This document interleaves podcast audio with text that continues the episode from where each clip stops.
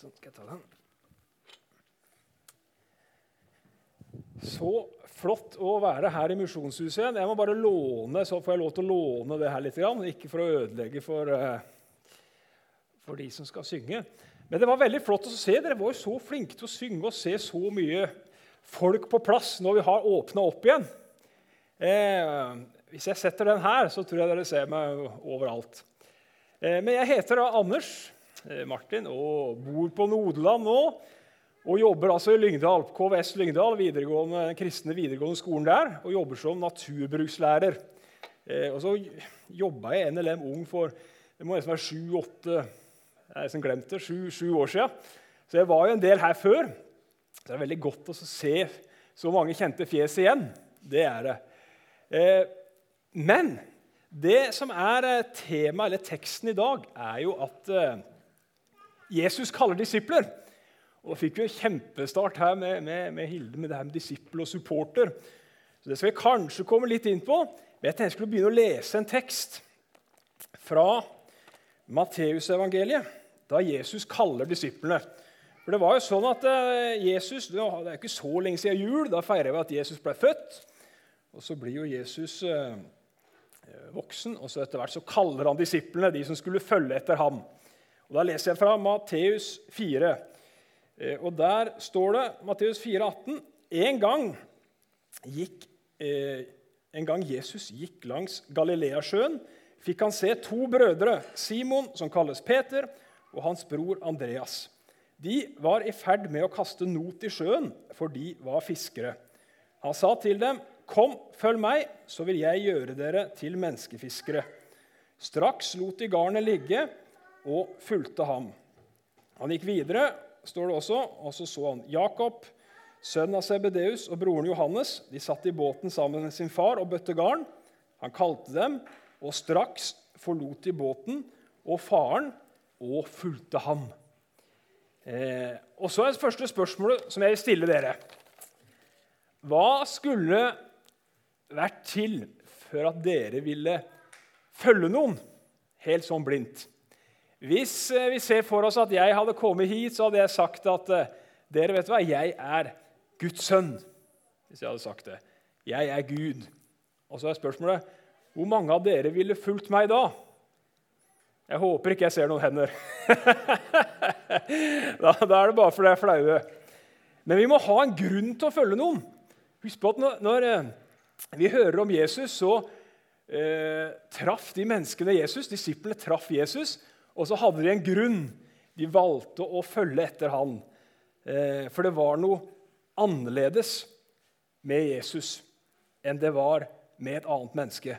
Og Så kan vi kanskje se det for oss vi har jo, eh, eh, vi har jo Peter og Andreas som, som, er i båten. De kaster garn. Vi må huske på at Det var det de jobba med. Det var arbeidet. Det var det de gjorde for å tjene penger, for å ha mat til familien. altså hele pakka. Og så kommer Jesus, og så følger de ham. Så velger de bare å forlate alt for å følge Jesus. Da er Jesus eh, noe mer, noe spennende, noe som var annerledes så kan vi lese gjennom evangeliene om alle de tinga Jesus gjorde, det de fikk høre, det de fikk se sammen med Jesus. Vi får høre om at Jesus han lar døve få hørsel tilbake, blinde få se, døde vekkes opp. 5000 eh, mennesker får, får, mat av fem brød og to fisker. Eh, eh, og så hører vi om alle de under og tegn Jesus gjør. Vær og vind de lyder Jesus. Han er herre over alt. Og så har jeg ofte tenkt på at, tenk hva disiplene trodde. At det, De tinga de så, det kunne egentlig ikke skje. Det var helt umulig at noen kunne gå på vannet. Det var helt umulig at noen kunne bli vekt opp fra de døde. Men så var det de tinga som ble gjort for at Jesus skulle vise at han var Guds sønn. Og så har jeg med en liten ting. Jeg har alltid med noe. Thomas var veldig spent der yngste min, hva jeg skulle ha med de to koppene. For ofte så er det sånn hvis vi ser noe som vi ikke tror er sant eller mulig, så stemmer det. Det vet vi. Hvis vi får melding på telefonen og gratulerer, du har vunnet en ny iPhone til 20 000 kroner, da vet vi at det stemmer ikke. Vi vet at når vi ser en tryllekunstner, så stemmer ikke det heller. Altså, Det er noe juks. Men sånn var det ikke med Jesus. Men det samme er det sånn, Tenk på disiplene så ting som, som umulig kunne skje. Som f.eks. når jeg heller det vannglasset her oppi her koppen. Å, så godt med litt vann. Og Så sier jeg til dere at vannet bare forsvinner. Det kan ikke dette ut. Og så kan jeg bare tømme det opp sånn over huet mitt. Det blir borte. ser dere. Ikke det er trylletriks, men det er bare trylletriks. Men tenk hvis når disiplene så det Det som skjedde, det var faktisk sant. At når de så at 5000 mennesker blei mette tenk på det, De var sammen med Jesus. Og så ser de at vi har jo bare fem brød. Vi har to fisker. Og Så sier Jesus ja, ja, bare kom hit. Han hadde jo ikke en sånn kopp, men han brøyt det brødet.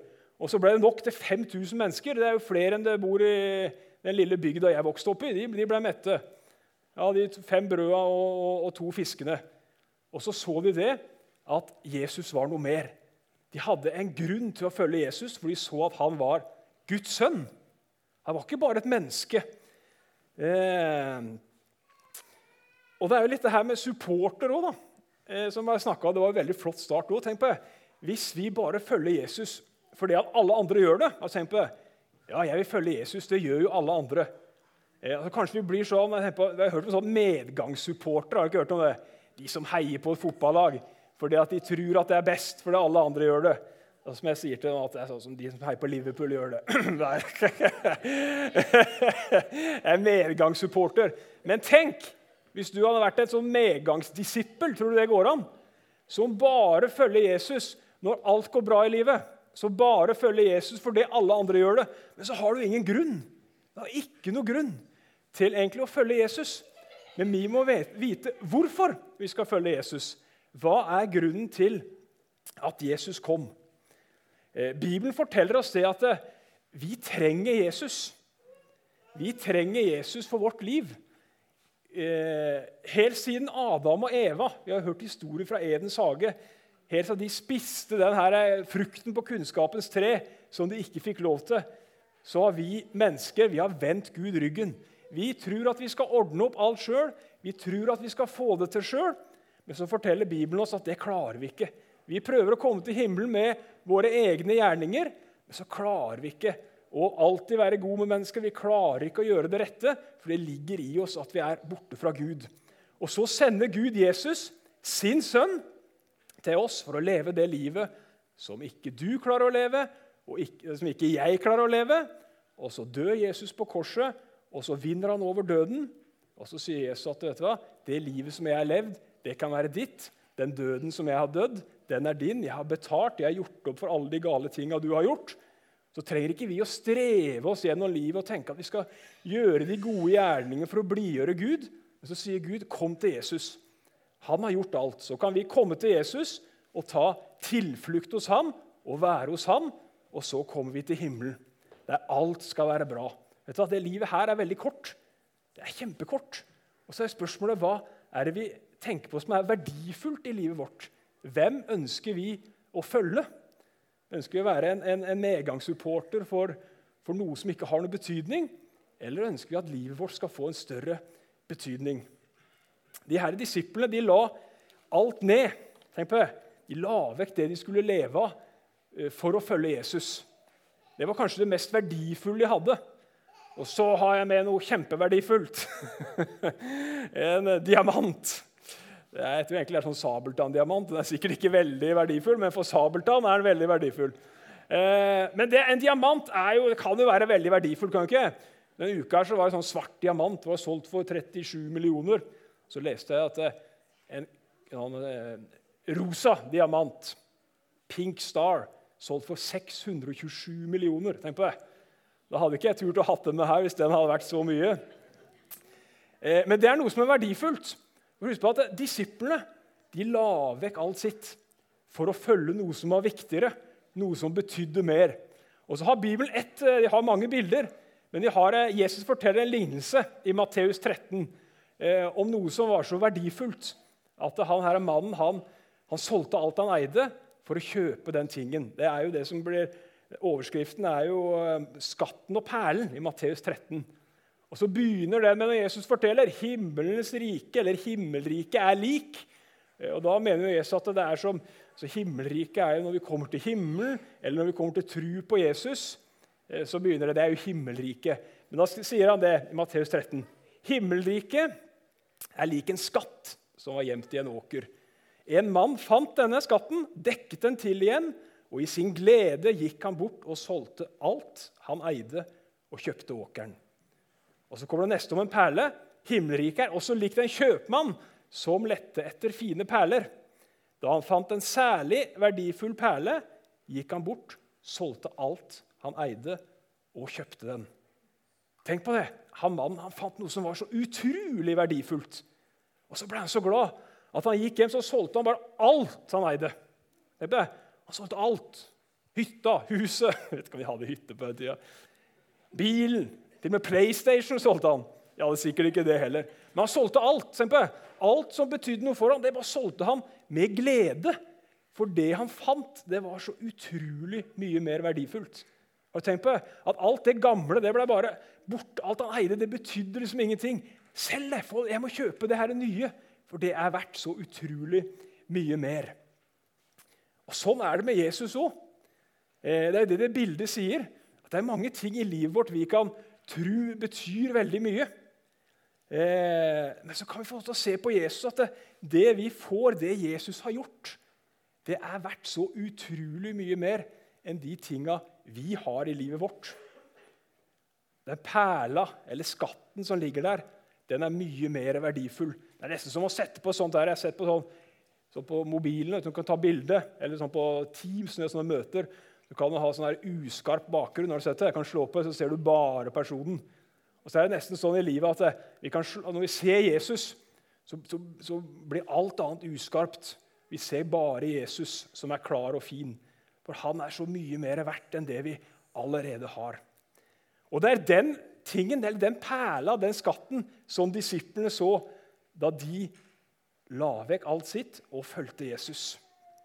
For det er det viktigste og det mest verdifulle som vi kan ha. Og Så kan vi også få lov til å være med og fortelle det videre til andre. Når vi følger Jesus, så skal vi ikke bare gå langt bak ham, vi skal gå sammen med ham. Han er med oss. Jesus bor i oss. Så skal vi få lov til å gå og så skal vi få lov til å fortelle andre om Jesus om den skatten, det som er så utrolig mye mer verdifullt, som varer i all evighet. Når livet her er ferdig, så er Jesus den samme. Han er der. Det skal vi få lov til å ta med oss. Vi ber til slutt. Kjære Jesus, takk at du alltid er med oss. Takk at du har gjort absolutt alt for oss. Takk at du elsker oss, takk at du ser hva vi trenger. Eh, takk at du aldri svikter oss, Jesus, at du aldri blir sint eller lei deg eller skuffa over oss når vi kommer til deg med livet vårt. Takk at vi alltid kan be til deg. Så må du vise oss veien gjennom livet, Jesus. Vi kan leve det som disipler av deg. I ditt navn, Jesus. Amen.